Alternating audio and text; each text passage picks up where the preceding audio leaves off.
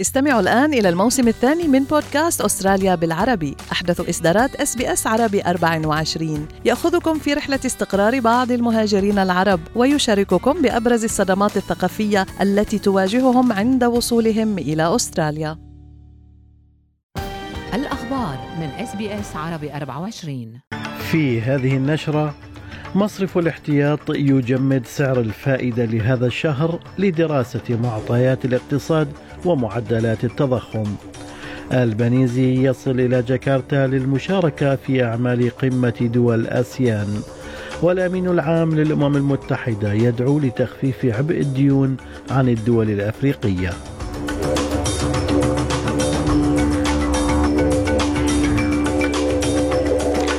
سليم الفهد يحييكم وعليكم التفاصيل أبقى مصرف الاحتياط الفيدرالي في اجتماعه الدوري الشهري أمس على سعر الفائدة دون تغيير عند 4.10% تأتي هذه الخطوة في ظل الانخفاض في معدلات التضخم في البلاد والذي ما زال أعلى مما يأمل المصرف تحقيقه. ويقول المحلل الاقتصادي في SBS عربي 24 مخلص يوسف إن هذا التجميد لسعر الفائدة يعطي المصرف بعض الوقت لدراسة تأثيره على معدلات التضخم ومعطيات الاقتصاد. بما أنه قرر مجلس الإدارة إبقاء أسعار الفائدة ثابته لهذا الشهر أيضا سيوفر هذا المزيد من الوقت لتقييم تأثير هذه الزيادة في أسعار الفائدة حتى الآن والتوقعات الاقتصادية لم تجاوز التضخم في استراليا ذروته آه، حيث أظهر مؤشر أسعار المستهلك الشهري للشهر آه، الماضي مزيدا من الانخفاض آه، ولكن التضخم لا يزال مرتفعا للغاية وسيظل كذلك لبعض الوقت.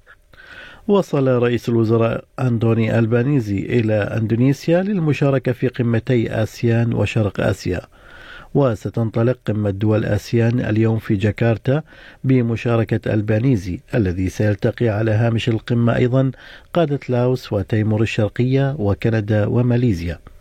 هذا وستكون زيارة ألبانيزي إلى إندونيسيا المحطة الأولى في رحلته الدبلوماسية التي تستغرق أسبوعا واحدا وتأخذه أيضا إلى عدد من الدول الآسيوية من بينها الهند حيث سيحضر اجتماع مجموعة العشرين في نيودلهي وخلال الرحلة سيطلق رئيس الوزراء استراتيجية أستراليا الاقتصادية لجنوب شرق آسيا حتى عام 2040 وهي خطة يراد منها تعزيز العلاقات الاقتصادية مع الحلفاء وتطوير التجارة البينية. وقال البنيزي للبرلمان قبل مغادرته البلاد إنه يعتبر الخطة واحدة من أهم الأعمال التي تم إنجازها على الإطلاق لتعزيز علاقات أستراليا ومصالحها الإقليمية. The opportunity that we had have to create prosperity and create jobs here, as well as to lift living standards in our region. This is, of course, tied as well with national security issues. When you lift living standards and provide opportunity and build those relationships, as I have with people like President Widodo, uh, what you do is you strengthen our position. يزعم المسؤولون الروس أن أوكرانيا تستخدم طائرات بدون طيار أسترالية لمهاجمة الأراضي الروسية وزودت أستراليا أوكرانيا بمعدات عسكرية بقيمة 610 ملايين دولار بما في ذلك طائرات بدون طيار درونز منذ الغزو الروسي لأوكرانيا العام الماضي.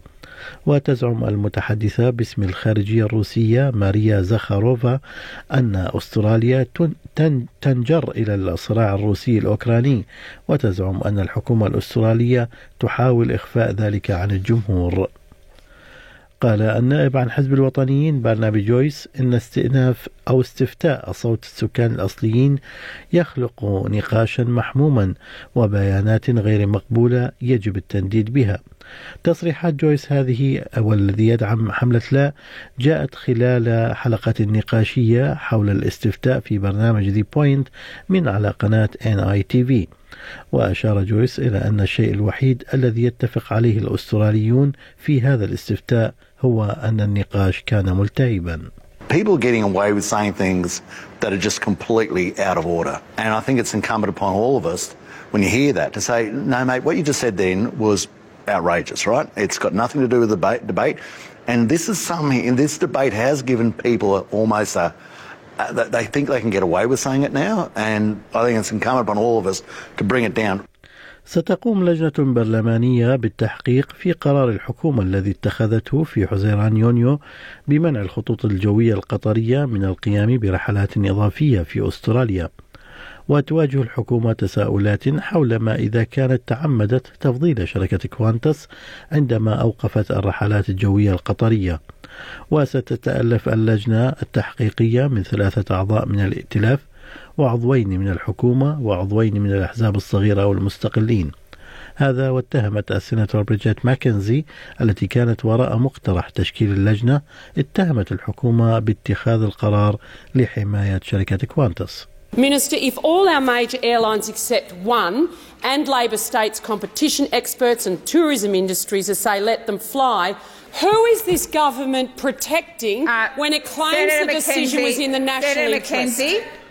صوت مجلس الشيوخ لصالح إجراء تحقيق في التطوير المقترح لمشروع الطاقة في منطقة ميدل آم بداروين بعد إثارة عدد من المخاوف الصحية والمناخية وقد أعطى المجلس الضوء الأخضر لإجراء تحقيق في هذه المخاوف بعد أن صوتت الحكومة لصالح الاقتراح الذي قدمته عضوات عضو مجلس الشيوخ عن حزب الخضر سارة هانسن يونغ. وتعهدت الحكومة بتقديم مليار ونصف المليار دولار لمشروع Middle Arm الذي سيتكون من مصنع لمعالجة الغاز والبتروكيماويات وتكرير النفط الناتج عن مشاريع التكسير الهيدروليكي المخطط لها في حوض بيتالو. وقالت السيناتور هانسن يونغ لمجلس الشيوخ إن حكومة البانيزي بحاجة للتوقف عن تمويل محطات الوقود الأحفوري. Coal and gas are cooking the climate and wrecking the environment. But right now, still, still now, our environment laws are broken when it comes to the climate crisis and polluting projects. This government has to get its act together on climate and environment regulation. It's 2023. It's time to stop approving new coal and new gas. دعا الرئيس المصري عبد الفتاح السيسي إلى السيطرة على المواليد في البلد العربي الأكبر ديمغرافيا مشيرا إلى تجربة الطفل الواحد في الصين ومؤكدا أنه لا يوافق على الحرية المطلقة لإنجاب الأطفال. وقال السيسي إن عدد المواليد في مصر ينبغي أن لا يتجاوز 400 ألف سنويا لفترة زمنية قد تصل إلى 20 عاما في حين سجلت مصر التي يبلغ تعداد سكانها 105 ملايين نسمة تجاوزت نحو مليونين ومئتي ألف مولود جديد في هذا العام عفوا في العام الماضي. وعن هذه التصريحات للرئيس السيسي يقول مراسل أس بي أس عربي 24 في القاهرة محمد الشاذلي هذا التصريح يأتي في إطار محاولات مصرية آه، جاد لمحاولة تخفيض عدد السكان أو على الأقل تخفيض العدد السنوي آه، الذي يولد من الأطفال. خصوصا في في ظل آه، آه، رعاية الأطفال والعمر المتوقع الذي زاد بالنسبة للرجل والمرأة والذي أعلنه وزير الصحة اليوم من إنه الرجل المصري 72 سنة، المرأة المصرية 74 سنة، وبالتالي كل هذا تقدم في مستوى الأعمار في مصر. دعا الأمين العام للأمم المتحدة أنطونيو غوتريش العالم إلى جعل تمويل العمل المناخي أكثر إنصافا وذلك في قمة المناخ الأفريقية الأولى في نيروبي.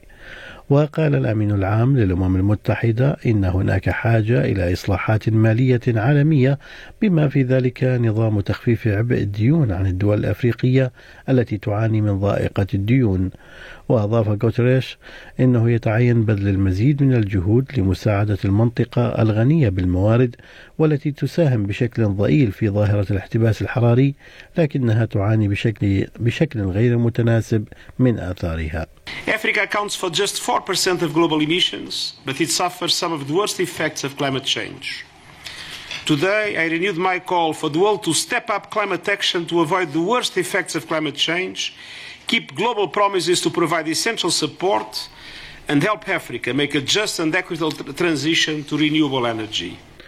في الرياضة وفي دوري ال footy AFL عزز نادي سان كيلدا جاهزية فريقه استعدادا للمواجهة المرتقبة أمام Greater Western Sydney والتي سيتأهل الفائز فيها إلى النهائي. المباراة ستجري في ملعب ال MCG بملبن السبت القادم. في أسعار العملات بلغ سعر صرف الدولار الأسترالي 64 سنتا أمريكيا حالة الطقس المتوقعة لهذا اليوم. بيرث غائم جزئيا أقصى درجات الحرارة فيها 19 أدليد مشمس 24 ملبن غائم جزئيا مع رياح 19 هوبرت غائم 18 كامبرا مشمس 17 سيدني مشمس أيضا 21 درجة. بريسبن مشمس إجمالا 27 وأخيرا داروين مشمس 33 درجة. كانت هذه نشرة الأخبار. قرأها على حضراتكم سليم الفهد. شكرا لإصغائكم.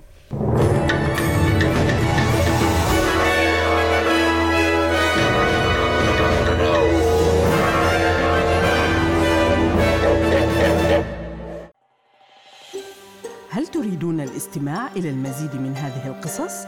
استمعوا من خلال Apple Podcast، Google Podcast، Spotify أو من أينما تحصلون على البودكاست.